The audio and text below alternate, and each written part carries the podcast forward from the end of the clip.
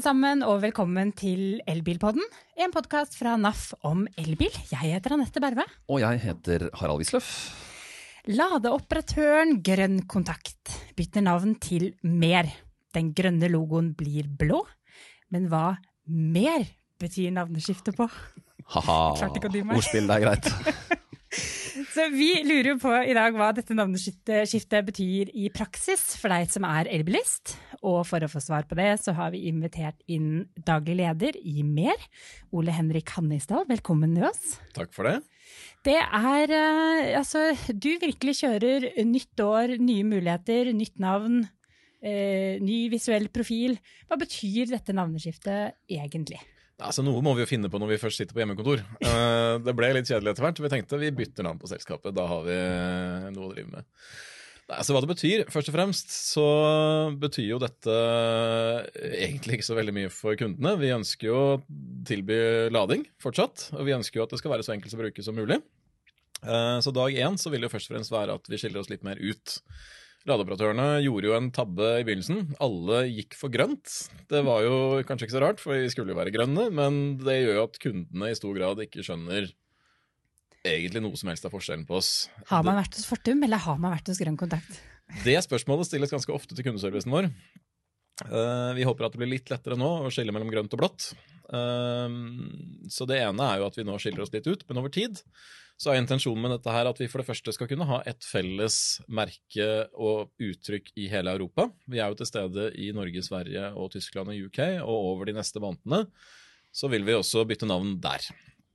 Vi har allerede tatt Norge og Sverige, og så kommer Tyskland og UK etter. Og det andre er at vi har lansert en ny app som har fått med logo. Så mange har nok sett på telefonen sin og lurt på hva denne her blå greia er. For den Altså, eh, Jeg, jeg lurte på hvor, hvor ble det av eh, Grønn kontakt-appen min? Den eh, forsvant liksom. Måtte jeg scrolle gjennom den mappa med EV Charge, og der fant jeg, jeg fant appen til slutt. Ja. Ehm, så etter hvert som folk skjønner at det faktisk er Grønn kontakt-appen, så går dette fint. Og ehm, over tid så ønsker vi å bygge mye ny funksjonalitet inn i den appen.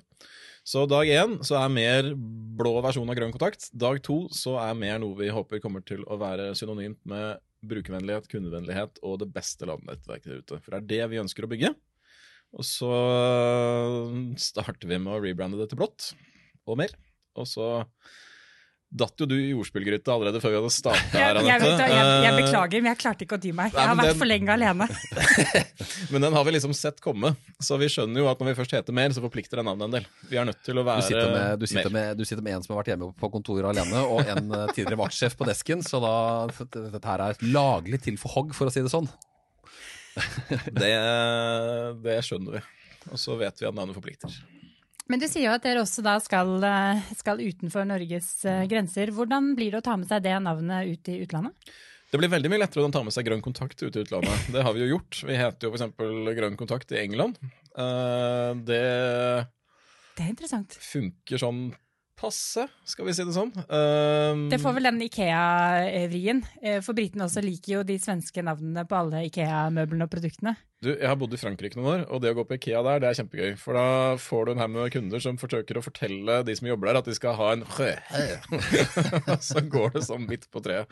Så vi har ikke tenkt å liksom gå for den kundeopplevelsen. Uh, mer uh, i Tyskland og, og UK spiller mer på liksom hav og sjø. Derav blått, altså. Derav blått. Og så er vi jo eid av Statkraft, og Statkraft er Europas største produsent av fornybar energi. Så det er også et lite øh, liksom, nådd til vannkraften. Og så for å gjøre hele den ordspillkabalen komplett, så er det sånn at vi kjøper all strømmen vi bruker til å lade bilene øh, fra Mår kraftverk. Oh, her er det enda et lag. Så yes, det er liksom ikke bare Vi er bare på toppen, og så vil det etter hvert komme liksom øh, flere nivåer med mer og more og alt mulig rart i dette her. Så dette blir bra. Ja, eh, Den var jeg ikke klar for, merket jeg. Nei, altså her Men, men rent konkret, da. Når forsvinner Grønn kontakt-filmen, folien, på alle ladestasjonene deres? Og når får vi sett liksom uh, eh, dette blå, mer, med så mange lag og betydninger? Det er et forbaska godt spørsmål. Fordi det å omprofilere et ladenettverk i Norge, det er en artig øvelse. Det er jo langt, kaldt, vått og generelt utrivelig å bo her på vinteren. Det å foliere om ting, det, det gjør du helst når det er liksom tørt, varmt, varmt, og mm, alt det ikke er i Norge på vinteren. Og at det ikke er veldig mye ladekø, kanskje. Det er også en fordel, å ikke ta ned en stasjon f.eks. midt i sommerferien. Men uh, vi omprofilerer 2600 ladestasjoner. Uh, og vi kommer til å ta mesteparten av det i desember, januar og februar. Uh, så vi kjører omtrent nå tre lokasjoner per arbeidsdag. Vi har tre team på fulltid som reiser rundt i Norge og tar stort sett én lokasjon på én dag. Så dere ser oss allerede en del steder på Østlandet. Og i løpet av som sagt, de nærmeste to-tre månedene så vil det aller meste være tatt. Og så er det av åpenbare grunner noen vi ikke kan ta, f.eks. midt oppå Strynefjellet. Det må kanskje vente til vi slipper å ha med brøytebil og spade. Gå inn, gå inn med ski. Eksempel. Men eh, hva annet er det da 2020 har bydd på? Altså navne, Navneskiftet og starten på en omprofilering er nå én ting, men eh, hvordan ellers vil du, vil du summere opp eh, 2020, annet enn tidenes eh, sommerferie og også stresstest? Jeg vil ta deg dit. Vi kommer dit. Ser den. Um, 2020 har jo, som alle andre elbilår, vært et veldig interessant år. Vi går jo stort sett inn i året med en slags forventning og en idé om hva vi skal inn i, og så går vi ut med en litt annen fasit enn det vi trodde. I år så lærte vi noe ganske gøy, fordi i mars, da vi stengte ned, så så jo vi at altså, kurven gikk liksom rett i gulvet. Og vi sitter jo egentlig på en ganske artig temperaturmåler for egentlig transportnivået i samfunnet, og også hvor folk drar hen, og hva som skjer. Um, vi har jo f.eks. noen ladekurver for svenske sentre. Vi står i Slåttenberg og Toxfors.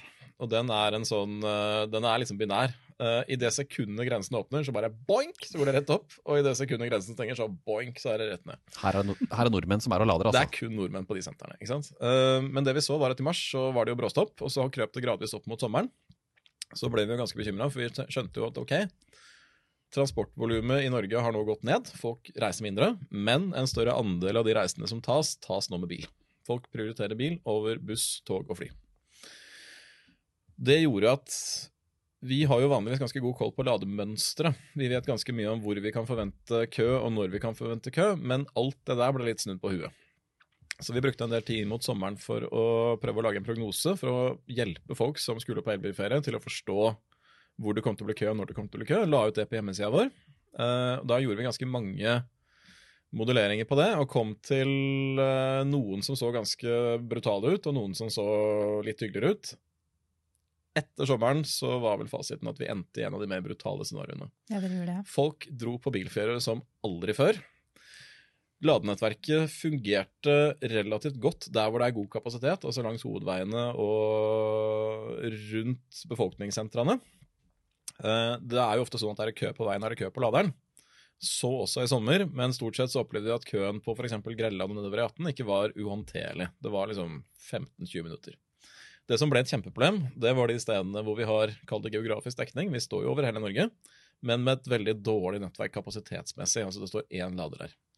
Så når alle plutselig drar til et sted med én lader, så får du potensielt en kjempekø. Eh, vi så det i Lofoten. Vi så det delvis i Gudbrandsdalen. Vi så det på Vestlandet enkelte steder. At vi fikk en helt uh, massiv kø av elbilister på steder med dårlig kapasitet. Og det var nok hovedutfordringen i sommer, tror jeg.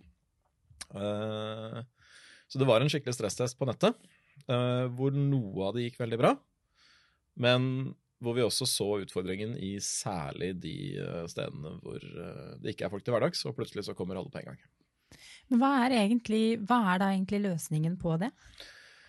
Det ene er jo å sørge for at folk er klar over det. Eh, fordi vi tror at med litt tilpasning så går dette veldig mye bedre. Eh, det andre er at eh, vi må jo også sørge for å forsterke nettet der hvor folk faktisk er. Men vi lever jo ikke av trafikk fire dager i sommerferien. Det går jo ikke. Vi har et nettverk, og vi har også da delvis en nettverkstankegang.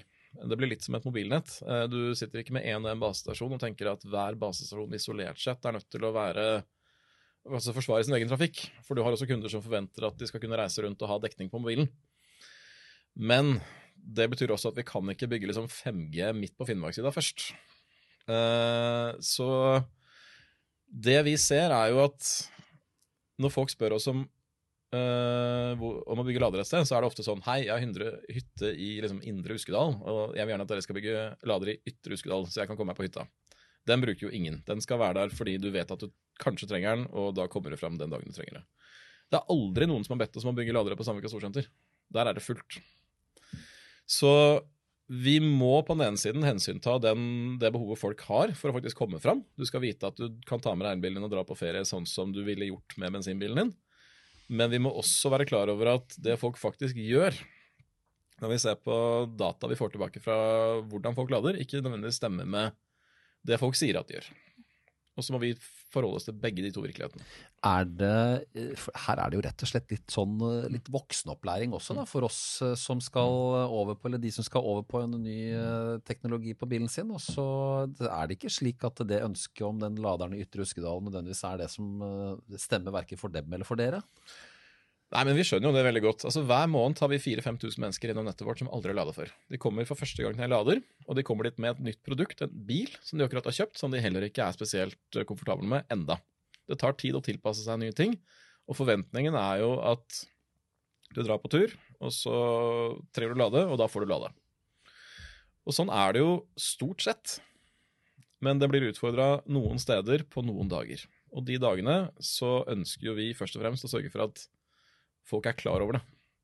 Vi ønsker å være inne i bilen med informasjon om kø og alternativer. Vi ser jo ofte at uh, folk står på en lader, og så er det ledig 500 meter borti gata, men de får det ikke med seg. Ikke sant? Og så har jo ikke vi 100 alternativer utover å si 'last ned appen vår og sjekk der'.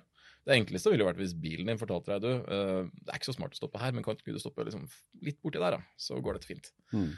Det å få utnytta nettet bedre, det er en av de enkleste løsningene. Vi har kapasitet, men folk vet ikke om den. Der har vi en jobb å gjøre. Uh, og så tror vi også at etter hvert som dette modner seg litt, etter hvert som folk blir mer erfarne elbilister, så lærer de seg et par triks i ludo. I sommer så var det nok en del som hadde en ganske håpløs opplevelse med liksom vi skal ha pelbilferie for første gang, dette går supert. Uh, og så havner du i Leknes med liksom 13 timers ladekø og tenker oi, hva er det her for noe? Eh, og det kan unngås, men det krever litt planlegging. Det gjør det. Man må rett og slett, eh, for å dra den igjen, da, man må lære mer. Ha-ha. Dette kan bli en lang halvtime, kjenner jeg. Eh, men det går fint. Um, vi, har jo, vi har jo diskutert uh, utbyggingstakt mange ganger, uh, Ole Henrik. Og, og senest i høst også, da NAF inviterte til et lademøte uh, med alle ladeoperatørene. Da eh, repeterte jo uh, vi vårt uh, mål, eller vårt ønske, om at vi ønsker jo flere ladere. Vi ønsker uh, raskere ladere. Eh, og vi ønsker også eh, vi ønsker billigere ladere. Eller billigere lading. Eh, da var du ganske rask med å si det får dere ikke NAF. Nei. For der er vi eh, Hva er det vi Hvorfor får vi ikke det? Vårt utgangspunkt er at ladenettet må skalere kommersielt. Vi syns ikke det er riktig at uh, regninga for en elbilvekst over tid skal tas av skattebetalerne. Vi tenker at her er det som bensin, man må betale for det man faktisk bruker, og det inkluderer da både nettverk og strøm. Det er helt fine å subsidiere en elbil i en fase, men det kan ikke være en permanent uh, ordning. Det betyr at vi som ladeoperatør har et ansvar for å skalere kommersielt. Det betyr at vi må tjene penger på det vi gjør. Når NAF da ønsker seg flere ladere, raskere ladere og billigere ladere, så er det litt krevende for oss å få alt det der til å gå opp. Um, vi bygger flere og raskere, uh, og vi har ikke tenkt å liksom ta mer enn vi trenger for å få det der til å lønne seg. Um, akkurat nå bygger vi mer eller mindre bare 150 kW-ladere. Det er jo bra. Ja. Det er godt å høre. Men det vi lever av, det er hverdagstrafikk. Vi lever jo ikke av Uskedal. Vi lever av Sandvika Storsenter. Og den gode nyheten er at det er jo også der folk flest trenger å lade i hverdagen. Og i gamle dager hadde vi en liten hypotese om at uh, vi startet med biler med kall det lite batteri, Nissan Leaf 24 kWh-type, som ikke var designa for å kjøre langt. Uansett hva vi bygde av ladere, så gir det ikke mening å ta den bilen til Bergen. Og så trodde vi vi skulle gjennom en slags mellomfase med liksom mellomstore batterier, sånn 40-50-60 kWh, som i prinsippet klarer å ta en langtur, men trenger å stoppe midt på. De var vi litt bekymra for, for vi tenkte oi, da kommer jo alle på vei til Hafjell, og så stopper de midtveis på Espa og skal kjøpe boller og lade. Det havarerer jo totalt. Og så går det greit igjen i neste fase, hvor vi har fått biler med kall det stort batteri, eh, for da kommer du helt til hytta, og så kan du lade i fred og ro når du kommer fram. Det var det vi trodde. Men så ser vi da at det står jo en haug av Teslaer å lade på Sandvika Storsenter. Hvorfor det? De skulle ikke vært der. De trenger jo ikke det, de har kjempesvært batteri. De kunne jo egentlig bare ha Så de trenger ikke lade i nærheten av der de bor. Vi ser jo ganske greit hvem som lader hvor, altså hvor laderen er i forhold til hvor de bor. Og i gamle dager så var det jo stort sett nærmiljø og liksom litt langtur. Og sånn er det egentlig enda. Det er noe langturslading, men det er veldig mye nærmiljølading. Og så er nok det bildet litt sammensatt. Folk trenger å lade litt av convenience-grunner òg. Det er ikke alle som har hjemmelading eller enkel tilgang til det. Mange substituerer det med å lade når de gjør noe annet. Og veldig mye av den diskusjonen vi har, ender opp med denne langturlogikken. Det er sånn, Jeg skal kjøre bilen min fra A til B, og jeg trenger å lade midt i en gang i året. Vår opplevelse er at det er innmari mye som ikke dreier seg om det. Vi har veldig fokus på utfartsdagene, og det skal vi ha, for folk forventer at det skal funke. Uh, og mitt inntrykk er at det går bedre og bedre. Men hverdagen er kanskje vel så viktig, og den begynner å funke skikkelig bra. Der er det nå god kapasitet i de fleste byer, og det gjør at vi får åpna opp elbil uh, for ganske mange flere enn det vi hadde før, hvor det var en forutsetning at du hadde hjemmelading. Det er ikke lenger.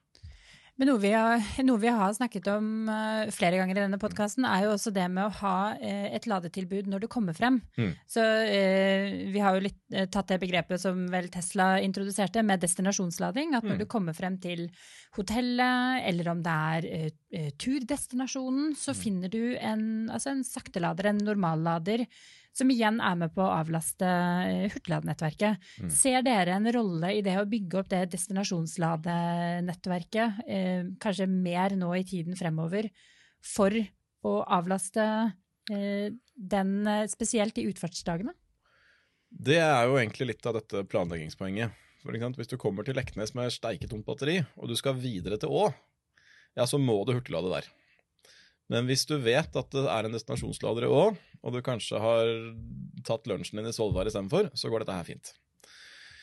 Det å få bygd ut destinasjonslading det er jo noe vi og veldig mange andre gjør, men hvor vi da i stor grad selger den løsninga til f.eks. hoteller eller andre destinasjoner som da ønsker å ha det som en del av sitt tjenestetilbud.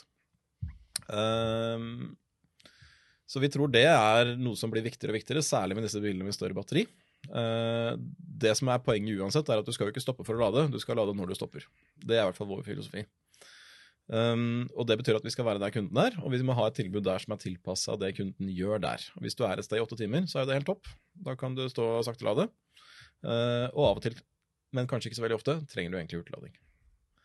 Og så vil jeg bare si én ting til, og det er at det, har vært masse pepper på liksom, utbyggingstakt, og vi blir strukket for det. Og jo da, det skal vi tåle. Vi skjønner jo at på forbrukersida så er liksom hvis du kjører bensinbil, så vil du ha billigere bensin og færre bompenger, ja. og, du, og, bedre veier og høyere fartsgrenser og alt mulig. Og hvis du kjører elbil, så vil du ha liksom billigere lading og flere ladere og raskere lading. Det, det ligger i sakens natur. Men de siste åra, altså fram til ca. 2019, sommeren rundt der, så var det et ganske fast forholdstall mellom antall biler og antall hurtigladere. Det var rundt 170 elbiler per hurtiglader i Norge. Og Det betyr at i de åra før det så bygde vi ladere omtrent like fort som når det solgt biler. Men fra sommeren 2019 og ut så har vi bygd raskere enn elbilsalget. Så det forholdstallet synker. Det blir altså flere ladere per bil. Så vi mener jo at det her går i kall det riktig retning. Eh, vi opplever jo at ladekø i stor grad er kobla til utfartsdager. Og det er en reell utfordring, men at resten av tiden faktisk nå begynner å funke ganske bra. Den største bøygen eller den største hinderet uh, for å få bygget ut ladestasjoner, hva er det egentlig? Er det kommunestyret, eller er det grunneiere, eller er det tilgjengelig strøm? Ja, nå himler du med øynene bare jeg sier kommunestyret, men det Nei da, kommuner er vi gode venner med. Uh, men eh, det der begynner vi å bli ganske gode på, og det begynner også kommunene å bli. ikke sant? Da vi begynte med dette her for noen år siden, så var dette klin nytt for 430 plan- og bygningsetater rundt forbi. Og de ga oss jo da 430 forskjellige svar, for de visste jo ikke helt hvordan vi skulle angripe dette her, men nå begynner dette her. altså Dette er ganske rett fram. Å bygge en ladestasjon er liksom ikke hokus pokus, og strøm har vi nok av i dette landet. Så vi opplever ikke det som en stor utfordring å få verken nett eller andre ting fram. Det vil jo alltid være sånn at noen steder er det begrensninger. Vi kan ikke forvente å bare peke på en prikk på kartet, og så skal det plutselig dukke opp på magisk vis masse strøm der uten at vi betaler for det. Men Det er jo litt av vår jobb å sørge for at vi plasserer oss på steder som både er ålreite steder å stoppe på for kunden, men hvor det også er enkelt å få bygd i forhold til alt fra siktlinjer og servicetilbud og alt mulig. Men at vi også får fram strøm på en kostnadseffektiv måte. Så vi opplever at det fungerer relativt problemfritt. Det, jo godt, det lover jo godt for 2021. Og du sier også at dere har fokus på å bygge ut eh, altså 150 kW-ladere fremover. Hvor er det, er det snakk om da nye lokasjoner? Eh, er det oppgradering av lokasjoner dere allerede har, eller er det, snakker vi kombinasjon av begge deler? Det vil jo være begge deler. Vi vet jo veldig mye om hva som skjer på de stedene vi allerede står. Og Da er det naturlig å utvide og oppgradere der etter hvert som bruken tilsier det. Og så er vi fortsatt ikke ferdig med å etablere oss på nye steder. Så vår logikk er at vi ønsker å ha noen få og solide lokasjonspartnere. Så vi jobber med Coop, vi jobber med Olav Thon, vi jobber med Burger King. Um, for å etablere et nettverk som folk kan kjenne seg igjen i, og som de vet hvor de finner. Og der er det masse å ta av. Så vi legger jo byggeplaner sammen med de partnerne for å sørge for at vi både har god geografisk dekning, god kapasitet, og også at vi um, står på de stedene hvor folk har lyst til å stoppe. Det lover godt. Men vi må også da eh, komme over på brukervennlighet. Ja. For der Lever lev vi nå? Ja.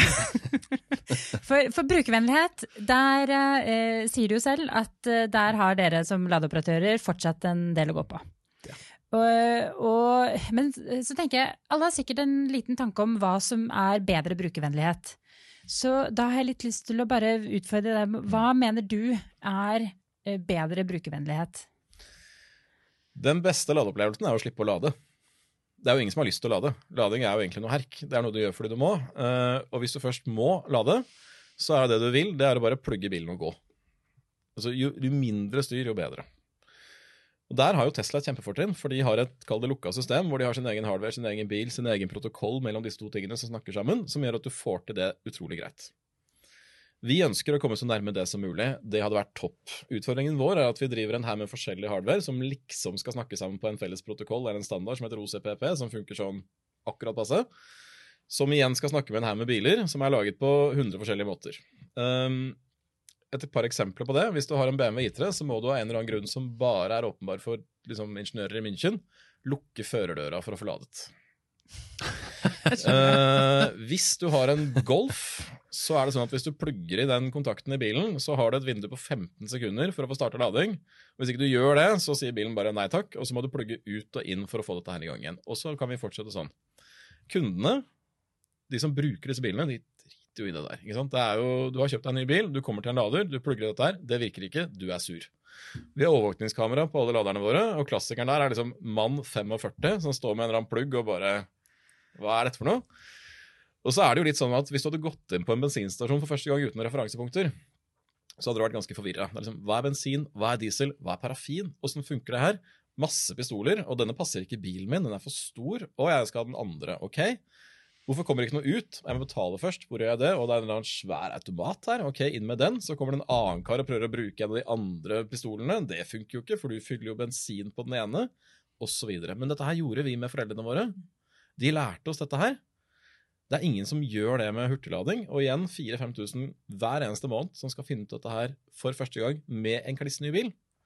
Det går seg til, men den første gangen så kan du fort oppleve at dette var noe herk. Og vår jobb som operatør da, det er å gjøre det så enkelt som overhodet mulig. Og i dag er det Vi liker egentlig å si at vi er minst dårlige på brukeropplevelse. Uh, vi tror det er utrolig mye å gå på. En måte å si det på, ja. men jeg skjønner hva du mener. Yes, ikke sant? Vi, vi, er ikke fornøyde, og det første skrittet her er å lansere en ny app. Hvor vi i hvert fall forsøker så godt vi kan å hjelpe deg videre. Ikke sant? Dette skal funke så fort og greit som mulig. Vi kommer til å bruke ganske mye energi framover på nye tjenester i den appen. I dag så gjør den appen det samme som den forrige appen gjorde, bare at det funker bedre. Over tid så kommer vi til å putte inn mer og mer av det kundene ønsker seg. Og én ting vi har fått mye pepper for, er jo betaling. Ingen skjønner hvorfor ikke du bare kan tappe kortet på en utelader. Mm, og det lurer vi fortsatt på. Det må vi nesten ha en egen podkast på. Men uh, det korte svaret er vi skjønner veldig godt at folk gjerne vil ha det. Og hadde vi kunnet tilby det, så hadde vi selvfølgelig gjort det. Det er jo ikke sånn at vi sitter på et eller annet rom og tenker det gidder vi ikke tilby, for det hadde vært for enkelt. ikke sant? Uh, men det er en del ganske gode grunner til at sånn kan vi ikke gjøre det. Eh, men vi tror at mobilbetaling, det kan funke. Så vi kommer til å jobbe en god del med det. Eh, vi kommer også til å jobbe mye mer med informasjon underveis i ladinga. Vi kommer til å jobbe mye med å fortelle deg hva du skal gjøre. Altså Hvis vi f.eks. vet at du har en Golf, så kan du få litt mer eh, fornuftige instruksjoner enn bare liksom Oi, det funka ikke, prøv igjen. Um, husk, husk, de 15 sekundene som du på ingeniørvis har til rådighet. Nei, mer det, liksom. Når du skal lade, husk å starte lading før du plugger i bilen. Ja, kundene våre kunne ikke brydd seg vi har liksom 5-10% proffkunder som er opptatt av og skjønner og syns det er interessant. Og de siste 90% de er jo helt uinteressert i kilowatt og kilowattimer og alt dette her. For de skal, det skal bare funke. funke. Og da må vi tilrettelegge for det. Så vi forventer jo ikke at våre kunder skal skjønne egentlig noe som helst av kilowatt og volt og ampere og noen ting, men vi ønsker at de skal ha det så enkelt og greit som mulig, og det er sånn vi kommer til å tilrettelegge det, den nye appen i hvert fall, og også brukeropplevelsen på ladestasjonen. Men, men, men, for å ta det, det betyr at det, mobilbetaling, slik som f.eks. Apple Pay, da, som, uh, som, en del bruker nå, det er noe dere ser på? At du legger telefonen inn til ladestasjonen, og så fyrer det i gang? For eksempel. Uh, det var veldig hemmelighetsfullt? Uh, det var litt hemmelighetsfullt. Men uh, vi kommer til å lansere en del nye tjenester i den appen framover hvor det vil bli enklere. Det må være lov å si. Så kan vi heller ta det da. Nå som, vi ser jo eh, Ionity, som jo er eh, altså litt Man kan si litt et lignende eh, delvis lukket nettverk eh, sammenlignet med Tesla sitt, som nå skal tilby plug-in plug charge for noen av modellene sine. Mm. Er det noe som på sikt kommer til å komme til mer også, eh, eller er det for komplisert? Som du sier, dere har så mange eh, hardware-løsninger. Det er eh, hundrevis av ulike modeller som skal snakke med dette her. Og mye rare tyske ingeniører. Vi vil veldig gjerne ha plug-in charge, men vi er mest opptatt av at det funker for kunden. Og vår bekymring rundt ISO 15118, da, som egentlig er det som på fancy heter plug-in charge, det er at dette blir eh, for det første vanskelig å få universelt. Altså det vil funke for noen biler på noen steder. Eh, det syns vi er krevende, for da får du kunder som er vant til å plugge bilen og gå, og så gjør de plutselig det, og så virker det ikke. Bare, bare sånn til så saksopplysning for den som ikke kan dette. Plug and charge er bare sånn at man kobler til laderen, og så gjør man ingenting. Det bare lader, og det trekkes det beløpet du måtte betale for det, og du går igjen når du er ferdig med å lade. Yes, Og det som skjer, er at bilen, altså lader og bil kobler sammen, og så sier laderen 'hei, jeg er en lader, hvem er du?' Og så sier bilen 'jo, hei, jeg er bilen til Ola, uh, kan jeg få strøm, vær så snill?' Og så sier laderen 'det kan du', og da fikser jeg strøm til deg, og så tar jeg etterpå og debiterer riktig for det, for jeg vet at du er bilen til Ola, og da har du lagt inn betalingskortet ditt og ferdig med det. Uh, og det høres jo kjempebra ut, og dit vil vi òg, men vi er usikre på om vi klarer å lage den brukerreisen så godt. Uh, for det første så funker det PT kun på CCS-biler. Uh, det betyr at alle som har så demo, ikke kan bruke det.